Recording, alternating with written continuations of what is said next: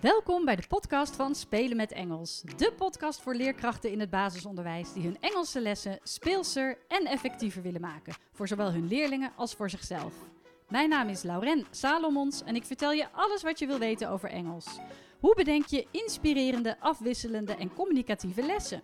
Hoe zorg je ervoor dat al je leerlingen betrokken zijn en blijven? Hoe wordt en blijft Engels een vast onderdeel van jullie onderwijsaanbod? Kortom, alles wat je wil weten over Engels op de basisschool. Ik wens je veel plezier met luisteren.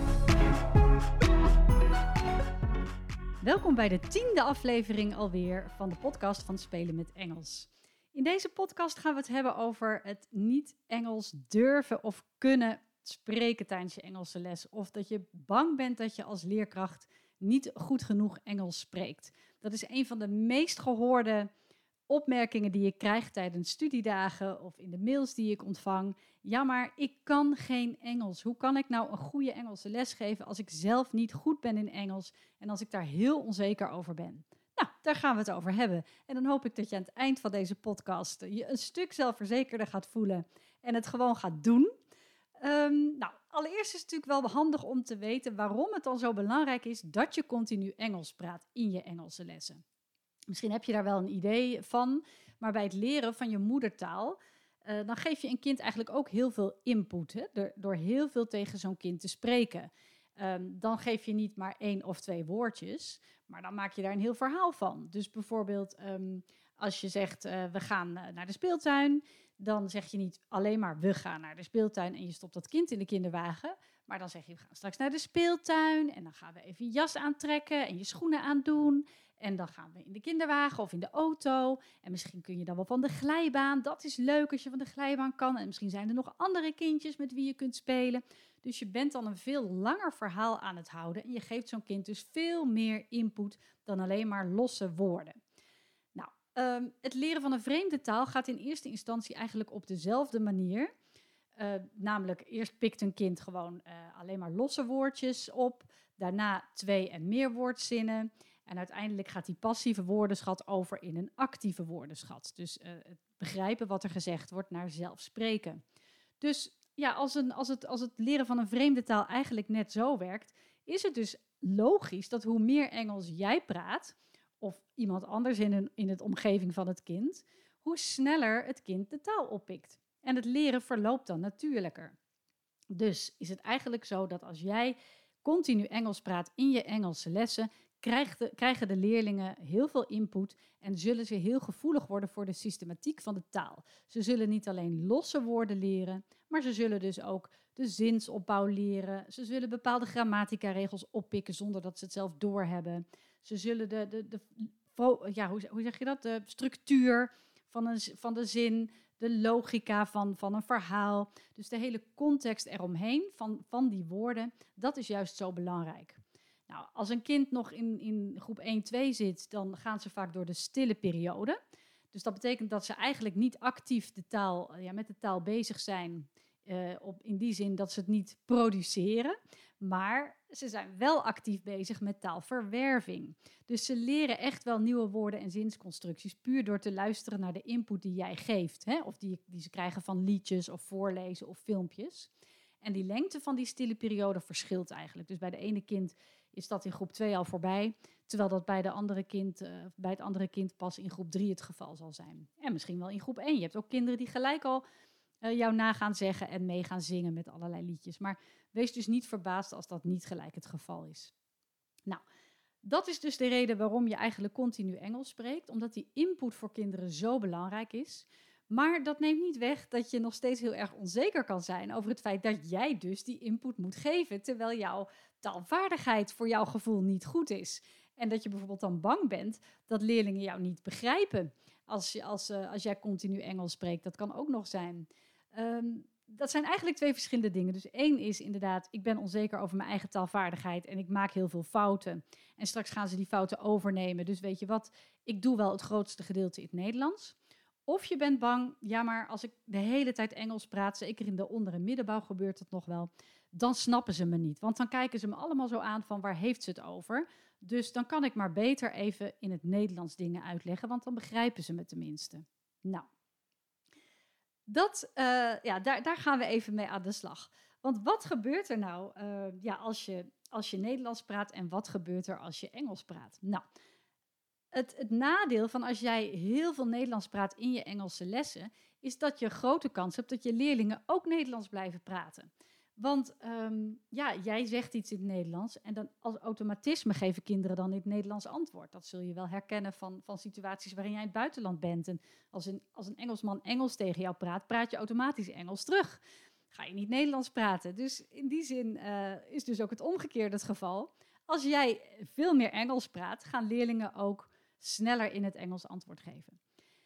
Wat een hele belangrijke is, is dat je geen veilige omgeving creëert om Engels te praten. Want als de juf of meester het niet doet, waarom zou ik het dan doen? Dus misschien heb je wel leerlingen in de klas die het best zouden willen, maar die doen het niet omdat het niet een gewoonte is. Het is niet gebruikelijk. De, de, leerkracht doet het niet, andere klasgenootjes doen het niet. Dan ga ik het ook niet doen. Ehm, nou, die derde is, hè, als jij heel veel Nederlands praat, dan krijgen ze dus niet voldoende input. En um, pikken ze minder vocabulaire en grammatica op dan zou kunnen. En um, het, het, het, vierde punt is eigenlijk, als jij continu maar Nederlands blijft praten, zul je zelf ook geen vorderingen maken. Um, hoe meer jij in het Engels gaat doen, hoe meer je dus ook zal moeten focussen op wat ga ik nu zeggen, welke zin kan ik nu gebruiken. En dat zal de eerste paar keer dan nog wat ongemakkelijk zijn, of dat je hem voorleest. Maar uiteindelijk herhaal je zo'n zin regelmatig. En dus is het gevolg dat je er zelf uh, ja, zelf nieuwe taal zult oppikken en die zult gaan toepassen. Nou, die taal heet ook wel Classroom English. En jouw Classroom English is dus van grote invloed op, uh, de, op de leerlingen. En als je nou denkt van ja, maar ja, hoe, hoe, hoe doe ik die Classroom English dan? Nou, op de, op de site van Spelen met Engels, in de webshop bij woordenlijsten, staat een heel handig document. Dat heet ook heel origineel Woordenlijst Classroom English. En daarin vind je pagina's vol met um, wat je kunt zeggen als je instructie geeft. Wat je kunt zeggen als je een spel gaat spelen. Wat je kunt zeggen als leerlingen binnenkomen, als ze weggaan. Um, als ze niet luisteren, als je ze een compliment wil geven en je wil niet de hele, hele dag door well done, well done zeggen. Nou, dan staan er zo uh, een stuk, stuk of tien, geloof ik, varianten wat je dan wel kan zeggen. Dus kijk eens naar die lijst en uh, ja, ga daarmee aan de slag. Oefen die zinnetjes, leer ze uit je hoofd en voor je het weet voelt het een stuk gemakkelijker om de hele tijd Engels te praten. Dus jouw classroom English, het feit dat jij continu Engels praat, is heel belangrijk voor je leerlingen, zodat ze extra input krijgen. Nou, dan kan je misschien zeggen, nou weet je wat, leuk, dan uh, kom maar op, we doen er gewoon een vakleerkracht in. Een vakleerkracht heeft gestudeerd om Engels te spreken, zijn taalvaardigheid is goed. Dan ga ik ondertussen even wat anders doen uh, en dan is dat zo opgelost. Nou, wil ik toch even benadrukken wat de voordelen zijn van het lesgeven, eh, van het Engels geven als groepsleerkracht. Ik ben zelf natuurlijk vakleerkracht geweest. Je komt één keer in de week een uur lesgeven en dan ga je weer weg. Uh, gelukkig had ik die leerlingen wel uh, vijf tot zes jaar, zeven jaar achter elkaar. Dus um, ik kende ze echt wel goed. Maar veel vakleerkrachten hebben wel tien klassen die ze Engels moeten geven. En die hoppen echt van de ene naar de andere klas. En die hebben amper de tijd om die leerlingen te leren kennen. En die, die draaien hun les af. En dan gaan ze weer door. En ik denk dat dat juist het voordeel, jou, het, de kracht is van het uh, lesgeven van een groepsleerkracht. Jij kent jouw leerling het beste. Je weet wat er speelt in hun gezinsleven. Je weet wat er speelt in de klas. Je kunt je lessen daardoor gemakkelijker aanpassen aan bepaalde situaties. Je kunt inspelen op um, het gevoel van bepaalde leerlingen. Als jij weet, nou deze leerling zit vandaag niet zo lekker in zijn vel, die laat ik even met rust. En uh, oh, die, die is zo zeker van zichzelf, nou die durft al wat meer. Terwijl een vakleerkracht weet dat, weet dat niet. Die weet niet wat er die ochtend is gebeurd, of wat er misschien thuis speelt, of wat er in de pauze is gebeurd. Of dat ze net een toets hebben gehad en dat ze dus even moeten ontspannen, ik noem maar wat.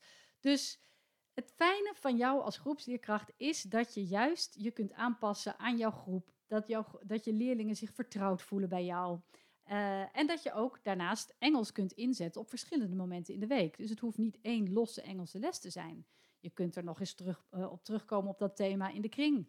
Of je kunt de week ermee afsluiten. Of je gaat eens knutselen in het Engels, ik noem maar wat. Um, dus dat zijn, dat zijn de voordelen die jij hebt. Uh, daarnaast is het wel het allerbelangrijkste, denk ik, dat jij als leerkracht het voorbeeld kan laten zien dat je misschien niet alles weet of kan. Ben jij onzeker over je eigen taalvaardigheid Engels? Laat het zien aan je leerlingen. Dat is mijn allerbelangrijkste tip. Dus als je de rest van deze podcast vergeet, dat kan. Maar onthoud dan dit. Laat zien dat jij het spannend vindt. Laat zien dat jij onzeker bent. Laat zien dat je fouten maakt en dat je het ook niet allemaal weet. Want een beter voorbeeld kunnen je leerlingen niet hebben. Dat is namelijk de manier waarop je een taal leert. Door te oefenen, door te proberen en door fouten te maken. Eh, nou, dat, dat heb je misschien ook wel in die podcast uh, gehoord over waarin ik uh, leren fietsen vergelijk met Engels leren. Het gaat om dat oefenen, oefenen, oefenen. Dus vertel het tegen je leerlingen. Oh jongens, ik ga straks de hele les weer Engels praten. En ik vind dat zo moeilijk. En ik zie er best wel tegen op. Maar ik ga het wel echt proberen. Maar oh, nou, ik weet het niet hoor. Want ik, ik, ik weet niet of ik alle woorden wel ken. En of ik er dan wel uitkom. Dat kun je gewoon bespreken. En hoe dat dan voelt. En hoe is dat bij leerlingen? Hoe ervaren zij dat? En hoe los je het dan op als je iets niet weet? Dus ga met elkaar, hè, nog in het Nederlands, die strategieën bespreken. Wat je dan kunt doen als je het spannend vindt of als je, het niet goed, als je denkt dat je niet goed ergens in bent en dat je het dan toch doet. En doordat jij laat zien uh, nou ja, dat jij daar best onzeker over bent, zul je echt leerlingen beïnvloeden. Die zullen echt denken, oh, maar, maar ze zei net nog dat ze het best wel spannend vond en nu is ze gewoon Engels aan het praten. Oh, maar dan ga ik, dan ga ik dat ook wel proberen. Weet je, als de juf het doet als de meester het doet. Dus op die manier uh, ja, krijg je je leerlingen wat enthousiaster en creëer je een hele veilige omgeving waarin iedereen Engels praat. En je kunt ook bijvoorbeeld met elkaar afspreken van, uh, nou weet je, uh, laten we, want ik wil niet helemaal in mijn eentje alleen maar Engels spreken, het kan zeker in de, in de midden- en bovenbouw, zullen we de, de eerste tien minuten van de les dat we allemaal, allemaal Engels spreken. Hoe spannend we het ook vinden en hoe moeilijk, we gaan van alles proberen om alleen maar Engels te, te spreken, weet je. Dan ben ik niet de enige. En op die manier laat je zien dat jij ook niet perfect bent en dat je gewoon je authentieke zelf bent. Um, nou, ik, ik kom natuurlijk op, op heel veel scholen waarin, waar, waar juffen en meesters dat gevoel hebben van, oh, maar ik heb echt in de bovenbouw leerlingen in de klas die beter zijn in Engels dan ik. Dat is zo vreselijk. En dan denk ik, vreselijk, dat is juist geweldig. Maak er gebruik van. Het is niet vreselijk als een leerling ergens beter is, in, in is dan jij. Dat, dat kan. Um, dat had ik, had ik ook. En ik heb Engels gestudeerd. Maar op een gegeven moment was er toch echt een leerling die mij, um, die native speaker was. En die mij regelmatig, nou verbeterde niet, maar wel hielp. Zo noemde ik het dan. En dat was ook mijn walking dictionary. Dus als ik even ergens niet uitkwam, dan zei ik: Oh, I need, I need some help. My walking dictionary, where are you? En dan, dan schoot hij te hulp met, um, met zijn, hij kwam uit Amerika, dus met zijn Amerikaanse accent. En dan kon hij, uh, niet altijd zelfs nog, maar kon hij me toch wel uh, af en toe helpen. Dus maak gebruik van kinderen in jouw klas die, die, die heel goed zijn in Engels. Denk niet, oh, dan gaat hij me weer verbeteren. Oh, hij zit heet het op me te letten. Oh, nou zeg ik weer iets fout en dan gaat hij daar vast wat van zeggen.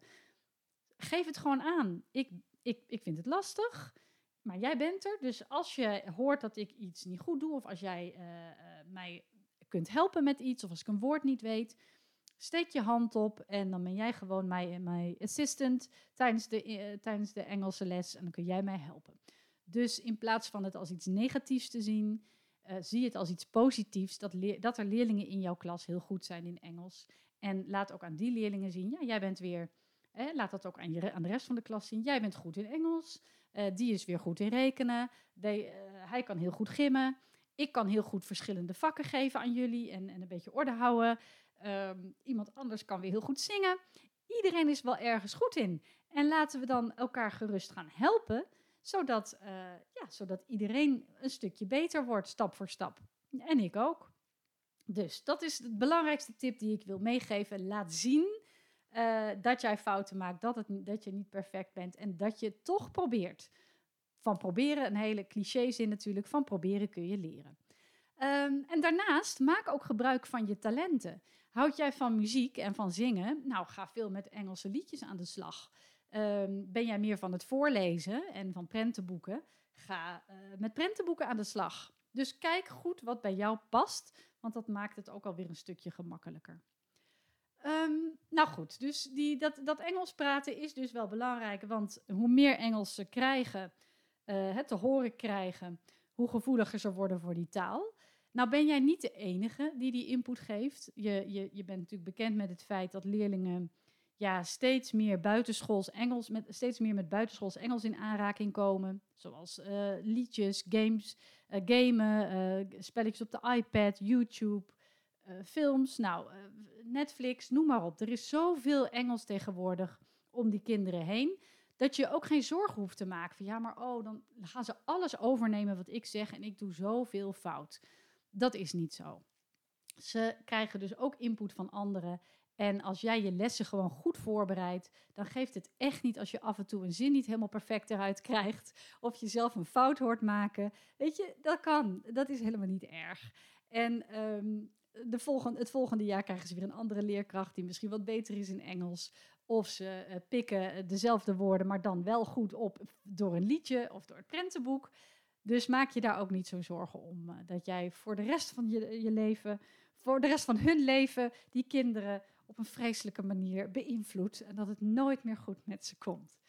Um, nou, hoe kun je nou verder dan nog uh, ja, ervoor zorgen je weet nu, oké, ik moet me gewoon toegeven aan die onzekerheid. Ik geef gewoon toe aan het feit dat ik niet perfect Engels spreek. Ik deel dat ook met mijn leerlingen.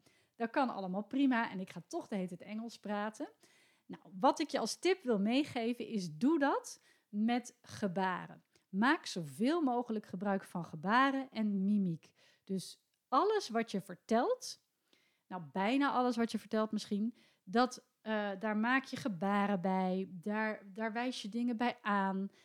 Ja, ik doe dat eigenlijk continu. Veel leerkrachten weten, ik doe dat sowieso in de onderbouw, maar ook in de bovenbouw voor kinderen die Engels echt spannend vinden. Zorg ervoor dat je dingen duidelijk maakt met, uh, door, door, ja, door gebaren te maken. Daarnaast um, kun je echt een, een, gebaar niet verzinnen. Maak gebruik van visuele middelen. En daar kom ik weer. Ik ben echt uh, fan van flashcards. Dat weet je inmiddels wel, denk ik. Maak gebruik van flashcards. En heel veel methodes hebben dat dan wel in de onderbouw. En dan stopt het in één keer in groep 5. In groep 5 krijgen ze in één keer allemaal saaie werkbladen. En is er nergens meer, zijn er nergens meer visuele middelen waarmee die kinderen kunnen werken. Terwijl ook in de midden- en bovenbouw is het zo belangrijk om juist die, die met flashcards, met plaatjes, met voorwerpen aan de slag te blijven gaan. Want dat beeldend leren is zoveel makkelijker. Daardoor hoef je ook niet vertalend te leren. Want je kan zo naar een flashcard wijzen. Dus als een kind vraagt, uh, juf, ik weet niet wat een, um, nou noem eens wat. Ik weet niet wat een, uh, een olifant, of een, uh, wat is een elephant? I don't know, what is it? Een elephant. Dat noem ik wel een hele makkelijke, maar anyway. Um, dan hoef je niet te zeggen, oh, dat is een olifant. Hè, daar leren ze niks van. Dan heb je het gewoon letterlijk voor ze vertaald. Nee, dan kun je het plaatje aanwijzen. This is an elephant. En dan zeggen ze, oh ja, dan weten ze het, want ze zien het plaatje. Dus zorg dat je, uh, ja, ik ben groot voorstander ook van thematisch werken. Dus werk je thematisch, zorg ervoor dat je van dat thema de flashcards bij de hand hebt, een woordmat in je klas hebt hangen of op de tafelgroepjes hebt liggen. Zorg dat het thema visueel, dat het echt zichtbaar is. En dat als jij het niet met gebaren kunt uitdrukken, dat je dingen kunt aanwijzen. En dat helpt zo enorm om, uh, om die kinderen, ja, om zelf niet over te schakelen op het Nederlands en om die kinderen weer zoveel mogelijk input te geven. Nou, kom je er met gebaren niet uit en ook misschien met visuele middelen niet, wat ik me nauwelijks kan voorstellen, maar het kan, dan zou je ook nog woorden kunnen omschrijven. Dus in plaats van gelijk een vertaling te geven van het woord, omschrijf het woord in het Engels. Bijvoorbeeld door eenvoudigere synoniemen te gebruiken. Zo kun je heel veel duidelijk maken zonder dat je Nederlands uh, spreekt. Um, je kunt ook aan een andere leerling vragen in de, in de klas: uh, Could you please help him because he doesn't understand? Can you describe what I just said? En dan kan, kan misschien een leerling dat woord omschrijven. Um, of aanwijzen of wat dan ook. Dus uh, door gebruik te maken van gebaren en door woorden te omschrijven, gebruik je zelf een strategie om niet over te schakelen op het Nederlands. En ook dat is weer een heel goed voorbeeld voor je leerlingen. Je leerlingen zien dan, de juf blijft het proberen, ze blijft Engels praten, ze wijst dingen aan, ze omschrijft woorden, ze, ze, beeldt van alles uit, ze maakt gebruik van gebaren en van mimiek. Uh, en ze blijft het proberen. En dat is een goed voorbeeld. Dan gaan leerlingen dat ook meer doen met elkaar. Die gaan dan ook, uh, hè, stel je voor dat je hebt, inderdaad hebt afgesproken, we gaan tien minuten alleen maar Engels praten. Nou, dan kunnen ze ook deze strategieën toepassen door dingen aanwijzen en gebaren te maken. En je zal zien dat dat ook best wel van nature al gaat. Nou, op deze manier ja, oefenen leerlingen eigenlijk heel erg spelenderwijs en communicatief die Engelse taal. En voel jij je, als het goed is, je wat meer op je gemak als je uh, continu Engels moet spreken tijdens de Engelse lessen. Dus dat is een beetje wat ik, uh, wat ik je wilde vertellen. Eén, uh, even kort samengevat. Één, het, die Engels als voertaal is echt wel belangrijk, want daarmee krijgen leerlingen veel meer input dan alleen maar wat losse woordjes. Worden ze wat gevoeliger voor uh, alle regels van de taal, voor de opbouw van een taal en voor de context waarin die woordjes uh, zijn verwerkt. En het, wat ik nog niet heb gezegd, is dat dat ook veel meer effect heeft op de lange termijn. Dus hoe, uh, hoe meer de voertaal Engels is tijdens de Engelse lessen, en dat in alle jaren van de basisschool, hoe groter het effect als ze de basisschool verlaten. Bovendien is het uh, fijn voor kinderen die Nederlands als uh, tweede taal hebben. Als jij namelijk vanuit het Nederlands Engels gaat geven, is dat voor die kinderen heel lastig. Want dan moeten ze eerst jouw Nederlands begrijpen en dan het Engels. Terwijl als je vanuit het Engels Engels geeft, staan alle kinderen gelijk. Um, en hebben ook die kinderen voor wie Nederlands de, de tweede taal is, die, ja, die, nou, die misschien zelfs wel een voorsprong, want die weten al hoe ze een taal moeten leren, onbewust natuurlijk. Dus het is ook fijn voor kinderen die uh, Nederlands als tweede taal hebben. Dus dat zijn de redenen waarom je Engels zou moeten spreken in, als, uh, tijdens je Engelse lessen. Um, het voordeel van jou als groepsleerkracht is dus dat jij je groep en je leerlingen het beste kent en heel goed kunt inspelen op individuele leerlingen, maar ook op de situatie per dag. Hebben ze inderdaad net een toets gehad, pak dan niet pagina 5 uh, eh, van, je, van je methode en ga gewoon verder waar je de vorige keer gebleven was. Met weer een saaie invuloefening, maar doe even een werkvorm, een spelletje of een liedje. Weet je, dat, dat kun je als groepsleerkracht heel goed inschatten. Ten derde is het zo dat jij um, als groepsleerkracht kunt laten zien dat je het spannend vindt, of dat je het niet goed kan, of dat je denkt dat je het niet goed kan. Dat is, dat is eigenlijk belangrijker. En dat je dus een voorbeeld bent voor je leerlingen. Ik vind het spannend, maar ik doe het toch. En bespreek dit ook. Bespreek dit niet in het Engels tijdens je Engelse lessen, maar bespreek dit voordat je Engels gaat geven. Besteed daar eens wat aandacht aan, een kringgesprek hoe is dat nou om tijdens zo'n Engelse les het Engels te praten? Wie vindt dat lastig? Hoe pak je dat aan? Ik vind het lastig. Ik ben best wel onzeker. Ik denk dat ik fouten maak. Maar is het erg dat je fouten maakt? Nee. De enige manier om een taal te leren is door het gewoon maar te gaan doen. En weet je, denk eens aan, Engels, aan Engelse mensen. Die kunnen überhaupt geen, uh, geen Nederlands. Dus die Engelsen zijn al lang blij dat je Engels spreekt. En die snappen jou echt wel, ook al maak je af en toe een fout. Dat geeft niks. Het gaat erom dat je het probeert. Dus fouten maken en wees een voorbeeld.